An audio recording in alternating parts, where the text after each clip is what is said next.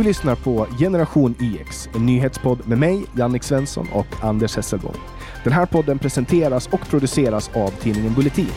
Om du vill vara först med att höra nya avsnitt av Generation IX får du tillgång till dessa genom att bli pluskund på bulletin.nu. Då får du samtidigt tillgång till allt premiummaterial och alla Bulletins poddar före alla andra. Du kan ladda hem Bulletins app gratis och du hittar länkar i beskrivningen till det här avsnittet eller på vår hemsida www.genyx.se. Nu är vi tillbaka igen, Generation EX i sin originalkonstellation. Snart fyller vi ett år. Kan du tänka dig Anders, ett år har vi snart Ja. hållit på. Och stort grattis till 50 avsnitt dessutom, vilket det är nu idag. Ja, det är, tiden går snabbt när man har roligt, som eh, någon vis man någonsin har sagt. Och eh, någon som tiden inte gick snabbt för, det var ju de här två personerna som blev gisslan tagna på Hällbyanstalten. Jag kan tänka Mm. mig att det var en skrämmande upplevelse för dem. Ja, Eh, det är inte, alltså det där måste ju vara bland det värsta man kan vara med om. Alltså två mördare tillfångatar en under flera timmar. Eh, det här liknar ju någonting som man har sett eh, typ eh, svensk 70-talsdeckare eller något sånt här. Men eh, nu är det på riktigt. På 70-talet hade vi ju Norrmalmstorgsdramat då där, där eh, Janne Olofsson bröt sig in och, och, tog över hela den här banken och eh, frigav Clark Olofsson eh, Just det. genom det här gisslandramat. Och det här blev ju grunden till Stockholm-syndromet och det var ju Nils Bejerot som gav Mm. namn åt det. En person som har förstört väldigt mycket i, i, i, runt över världen. Då. Speciellt svensk narkotikapolitik har ju han, många har lidit under hans olika teorier. Ja. Men, eh, men den här, det här Hällbyanstalten-dramat Får jag bara säga en grej innan vi går vidare där? Ja. Jag vill bara skjuta in att Stockholmssyndromet inträffade ju aldrig när man gav namn till det. För anledningen till att eh, de kidnappade var medgörliga var inte för att de kände sympatier, utan för att eh, de inte hade något val. Men eh, det spelar ju ingen roll, för principen Stockholmssyndromet har ju fått sitt namn därifrån och det kan säkert uppstå. Det var bara att det uppstod inte den gången. vi blev de kompisar. Det var ju flera år efter som, som jag såg en dokumentär för några år sedan och flera år efter så har ju till och med gisslan försvarat dem. Så att det uppstod ett, ett mycket unikt band mellan, mellan Det var gisslan. som tusan. I så fall så var jag felinformerad. Då har jag lärt mig någonting. Tack så mycket, Jannik. Mm. Alltid lär man sig någonting av mig som jag brukar säga. Nej, men jag ska, jag ska, jag ska inte vara så här över, översittare. Nej, men det här Hällby-dramat uh, överskuggades ju av det faktum att, att de här killarna ville ha 20 kebabpizzor och bjuda Ja. de andra medfångarna på. Och det tyckte ju folk att var roligt. Jag vet inte om det Mm. är så kul. Eh, hela den här grejen, man, man lägger rakblad mot halsen på, på oskyldiga anställda, kräver 20 kebabpizzor och eh, en helikopter. Man möts någonstans på mitten och ger dem alltså 20 Mm. kebabpizzor. Men den stora nyheten var ju inte kebabpizzorna, utan det var ju att pizzakocken, pizzabagaren, inte fick betalt. Men man, man, ska ju, man kan ju tänka att det är rimligt att anta att kriminalvården inte har ett kort som de anställda har tillgång till. Utan I att det här, händelse av kidnappning och utpressning för pizza i inköp. Liksom. det, här sker, det här sker på faktura, får man ju anta. Och det är ju inte så att, att den här pizzabagaren får svårt att få reda på vem det är som har varit och hämtat de här pizzorna. Eh, Nej. De, fick i alla fall pizzorna, ingen helikopter, slutet gott, allting gott, alla överlevde. Ja, jag, angående pizzerians pengar så kan jag säga att de löste det dagen efter, så det var aldrig några problem. Däremot så, lite grann det som du var inne på är ju det här att om jag som politiker lägger ett förslag för att stoppa något visst problem, jag kanske liksom, ja, jag stärker straffet på den här typen av brott, och så dessutom gör jag någon symbolisk gärning vid sidan av. Då är det klart att det är den symboliska gärningen vid sidan av som media kommer att blåsa upp. Och det var ju exakt det som hände här. Därför att när media tog upp det här med pizzorna, då hade ju folk någonting konkret att prata om, kidnappningen. Men det här är en grej som vi stöter på till exempel inom mjukvara. Att bygga mjukvara är väldigt komplicerat. Och då blir det väldigt ofta så att man diskuterar färgen på en knapp, för det är konkret. Men man löser inte problemet därför att ingen vill diskutera det riktiga problemet, för det är för abstrakt. Exakt det hände med pizzorna i media. Ja, och det här gick ju över ganska snabbt. Alltså, och jag tycker att det, det, en, det sker allt grövre saker i Sverige och de, de liksom försvinner snabbare. Mm. Jag menar, en, en sån här grej på 80-90-talet ska ha diskuterats i, i flera veckor. Och mm. att två barn har blivit skjutna i Sverige ska diskuteras flera veckor. Men det är semestertider, folk orkar inte bry sig om att kriminaliteten i Sverige tycks rasa. Men pratar man med Jerzy Sarnecki, då, är det ju, då har det ju alltid varit så här. Fast det är inte semestertider. Hade det här hänt mitt på hösten så hade det varit en kort nyhet i alla fall. Därför att vi lever i ett samhälle där det händer väldigt mycket. Vi är vana, vi är avtrubbade. Ja, visst är det så. Det händer jättemycket. Eh, det var ju i Göteborg en kille som hette Filip som var ute och gick och blev förföljd av en rev. Eh, den gav sig inte och den följde efter honom jättelänge. Och så här, citat. Den följde efter mig och kom närmare och närmare. Jag gick baklänges i tio minuter och den sprang efter mig överallt. Det var som att den psykade mig. Jag tänkte, ska du inte vara rädd för mig? Ja. Eh, och sen säger han vidare, jag tänker på min systers kompis som brukar lägga sig i skogen för att vila. Det hade jag inte velat göra om jag visste att det springer runt en tokrev. Vad ska han göra? Ska han nosa på honom? Men alltså, är inte det här peak 80-talist? Alltså om du går omkring och blir psykad och trakasserad av en jävla, ursäkta, av en räv. Nej, jag, jag, kan inte ens sätta ord på det här. Nej, alltså jag har filmen framför mig här och man ser ju, tittar man på reven så ser man ju att den verkar vara fullt frisk. Det är ingen skabbrev, de ser Nej. ju ofta skabbiga ut. Mm. Uh, och, och, det här är ju en hur fin rev som helst. Jag skulle ha gått fram och klappat den bakom öronen. Det, alltså, tagit med den hem kanske till och med. Alltså den är ju hur söt som helst. Ja, alltså du ska inte ta hem vilda djur och du ska helst inte röra dem för de kan vara fulla av parasiter. Men eh, alltså, kom igen, det var ju inte en brunbjörn, det var en räv. Kom igen Filip. Du, innan vi eh, har kommit för långt in i programmet så vill jag säga att det kan hända att det är lite grann rumseko från mig. För jag har ju inte bara haft semester, jag har ju faktiskt också flyttat. Och i och med att jag har flyttat ut på landet, så nu Lille Walter, han inte bara jamar, utan han har också en bjällra på sig. Så våra lyssnare kommer att få vänja oss med väldigt mycket nya ljud. Och det var ju därför som Emil Nilsén var snäll nog att vara vikarie åt mig förra veckan. Och han kanske kommer tillbaka någon annan gång när vi behöver ha vikarie, för han skötte sig väl bra, tycker du inte det? Ja, visst gjorde han det. Det är helt ja. otroligt faktiskt. Och nu ser jag här att alltså att CC Tops basist ja. har, har dött. Och det här har jag ingen, jag hade ingen aning om det. Jag spelade ju CC Top bara för en timme sedan när jag satt och spelade musik på Steel FN, spelade jag Sharp mm. Man. Jag hade ingen aning om att Dusty Hill har kastat skidorna så att säga. Nej, jag nåddes av den uh, nyheten tidigare och det var mycket sorgligt. Och uh, jag är ju väldigt svag för ZZ Tops ja, fem första uh, album. Vet du att de var ett riktigt tungt bluesband innan de blev ett bluesrock kommersiellt band? Vet du? Uh, ja, det visste jag och alla, det, det är lite roligt med, med ZZ Top för att alla hade skägg förutom trummisen som heter Beard i efternamn. uh, nej men vad tråkigt. Alltså, vi har ju för, för ett år sedan, eh, mindre än ett år sedan, så dog ju Eddie Van Halen och det tänkte jag på mm. bara häromdagen. Det är tråkigt. Uh, Mick Jagger har fyllt 78 nej, ja. åt, jo, 78 år mm. eh, har han fyllt. Och man, man sa för tio år sedan, eh, mer, ja, för tio, mer än tio år sedan när jag såg dem, då sa man hur orkar de hålla på? Men tydligen orkar de men Mick Jagger fyllde år här, bara för några dagar sedan fyllde han Men 78. ifall att du tänker köpa biljetter till Stones så kan jag ju säga att det inte är riktigt samma band som det var för 20 år sedan, eller för 30 år sedan, eller för 40 år sedan för den delen. Ja, jag, såg dem för, jag såg dem på Ullevi 2006 och då mm. var Keith Richard eh, redan i så dåligt skick, sannolikt på grund av alkohol eller annan form av narkotiska preparat, att han snubblade över trummorna. Men... Uh...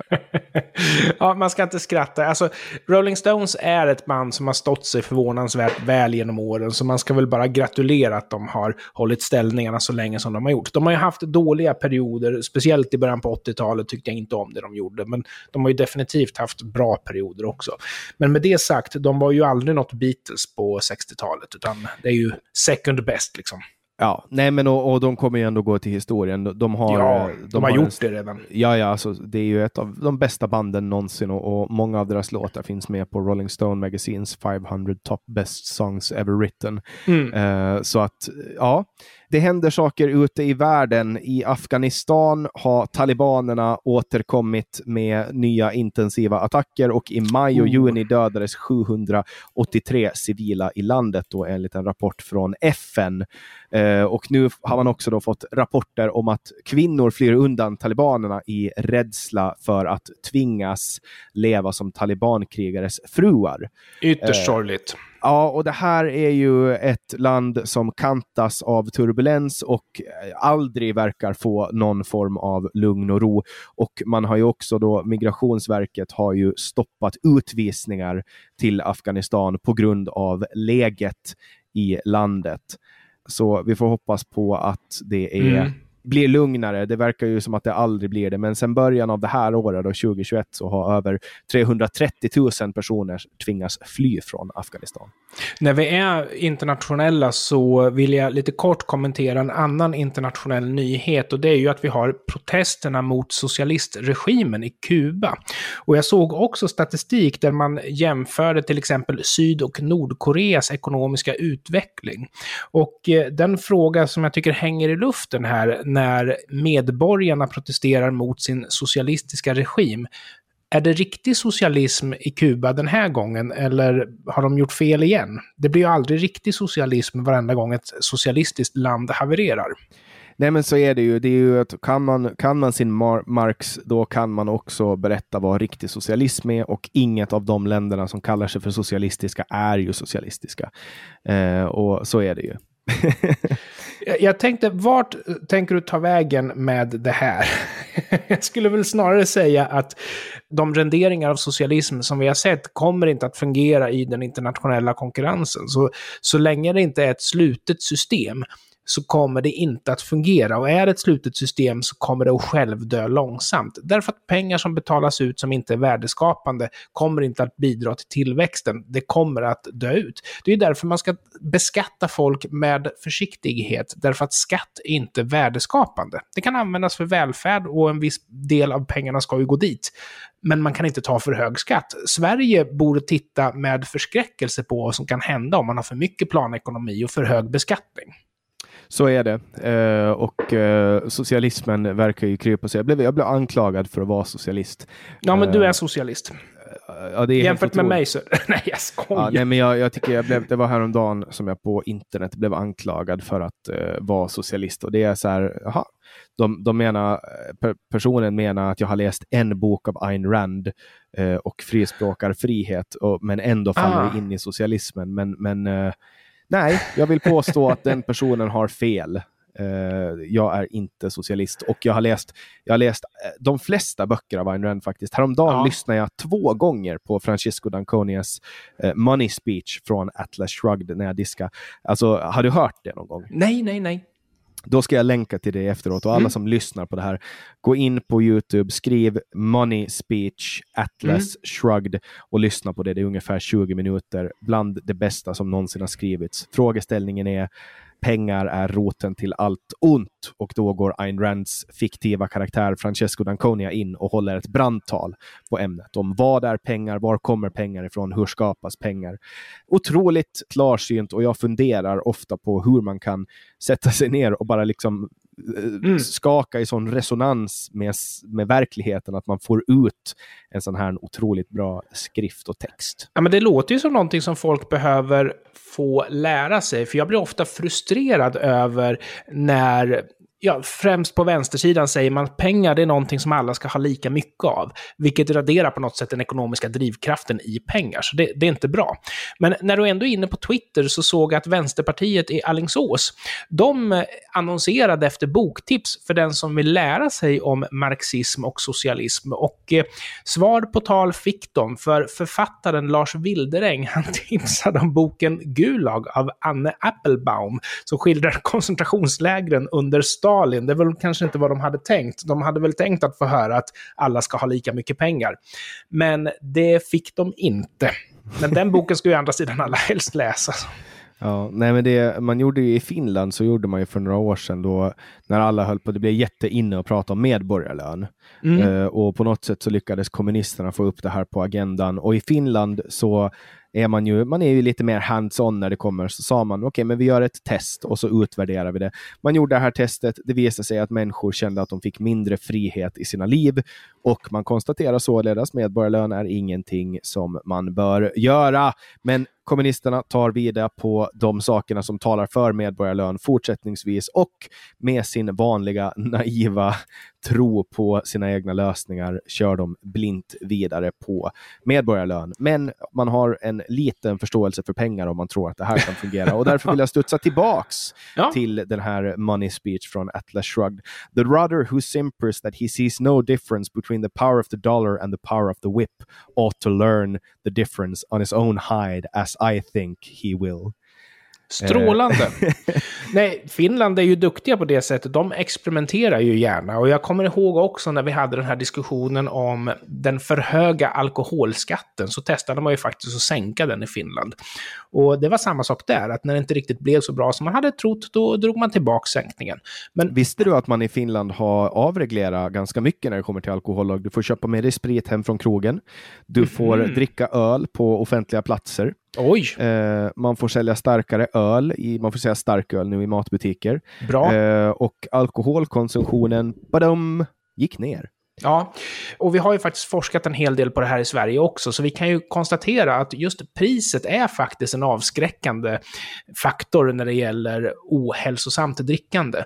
Men riklig tillgång gör att man inte behöver stressköpa när man väl har chansen. Och det klassiska i Sverige det är ju det här att man söp väldigt mycket i Norrland därför att det fanns inte alkohol att köpa där. Medan i södra Sverige där det alltid har funnits tillgång så har man förvisso druckit mer totalt per capita, men man har haft mindre supande och mindre ohälsosam konsumtion och således faktiskt mindre alkoholskador. Och det där förklaras ju ganska enkelt av att alkohol, en effekt av alkohol är att du vill ha mera alkohol. Och mm. har du alkohol hemma som du har i Norrland om du bränner ditt eget och har många dunkar som står ute i vedboden mm. eh, och du blir full, då går du och så dricker du mera och mera och mera. Det är om precis är, det det handlar ja, om, alltså bunkringseffekten. Ja. Exakt. Är du i Malmö så har du förmodligen inte bunkrat ett lager eftersom du vet att du kan köpa när som helst. Säg att du får slut på vin, klockan är 11, du går till en bensinmack och köper det. Jag vet inte om det är så att du får gå till en bensinmack, men du får köpa sprit ganska fritt i Danmark.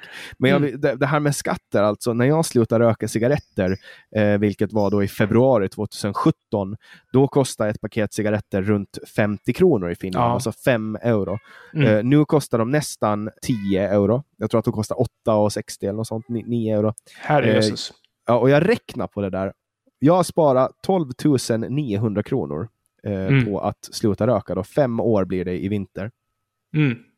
Nej, så vi, jag gratulerar till det, men vi har ju vår propagandamaskin, Systembolaget, som betalar forskning som ska komma fram till sånt som de vill att de ska komma fram till och inte alls följer evidensen vart de pekar.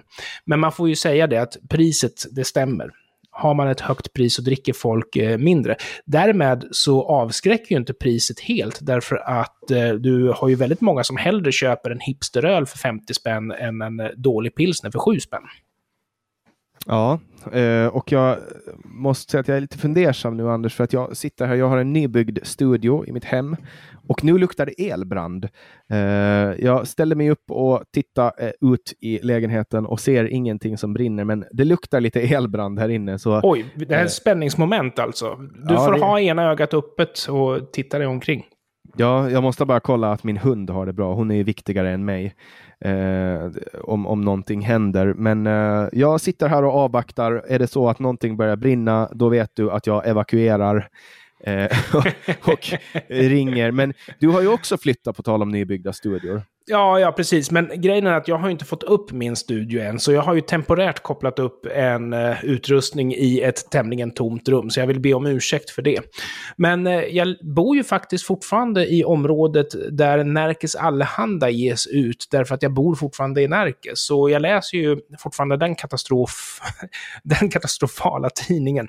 Och de har ju tagit upp sin aspekt uh, ifrån den här situationen om kvinnan som ville jobba som ordningsvakt, men inte fick eftersom det var uniformskrav och hon ville inte ta av sig slöjan så då fick hon inte jobba som det. Hon ville helt enkelt inte underkasta sig de här reglerna.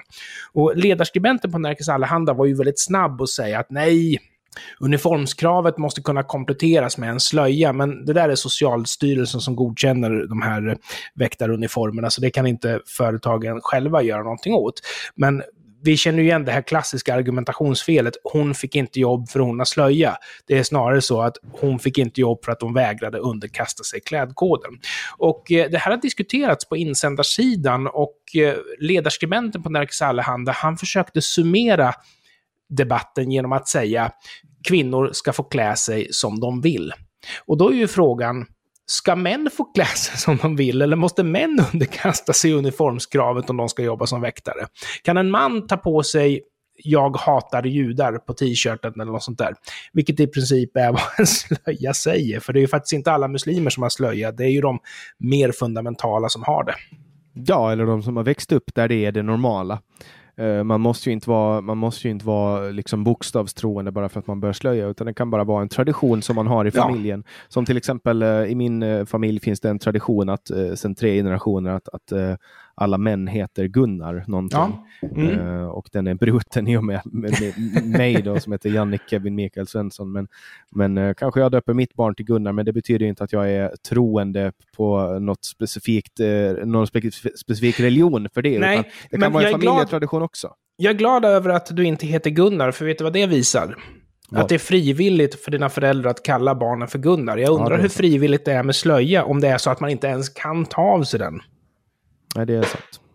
Nej, men det, jag, jag, förstår dig Anders och jag vet att du har, du har ett horn i sidan till all form av organiserad religion. Korrekt. Och jag ska inte ta det ifrån dig. Du är en skeptiker. du är en skeptiker av rang. Och vet du vad Anders?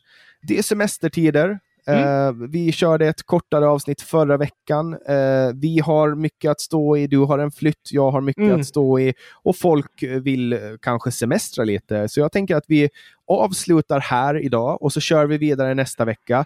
Du är tillbaks, Walter är tillbaks. Jag kallar honom för din dumma katt förra avsnittet och det var ett skämt. Det var meningen att det skulle klippas bort, men du lät det vara kvar. jag, tyckte jag, det var se... så, jag tyckte det var kärleksfullt, så jag, ja, jag ville ja. ha det kvar. Men jag, jag, förstod att du inte skulle vara helt nöjd med att den fick vara kvar. Men du vet, jag blev inte kränkt, då tror jag inte någon annan blev kränkt heller. Äh, men jag, vill, jag, vill i alla fall, eh, jag vill i alla fall säga förlåt till Walter, ifall det är så att han tog illa upp. Han är såklart inte dum. Han, han har är... precis somnat vid mina fötter, så han, han är nog inte upprörd längre. Eh, vad bra. Han är ju den tredje medlemmen av generation YX. Japp.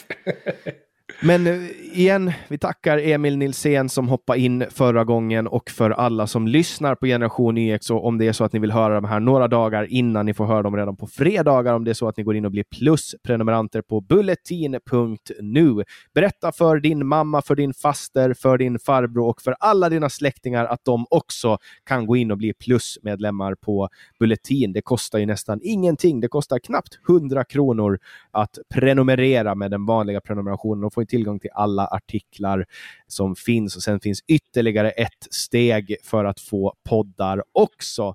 Och jag rekommenderar att ni gör det. Ni kan också gå in på Bulletin och prenumerera på Bulletins nyhetsbrev. kommer i inkorgen och det är faktiskt ett av de bättre nyhetsbreven om du frågar mig. Och jag är såklart helt, eh, helt, helt objektiv här.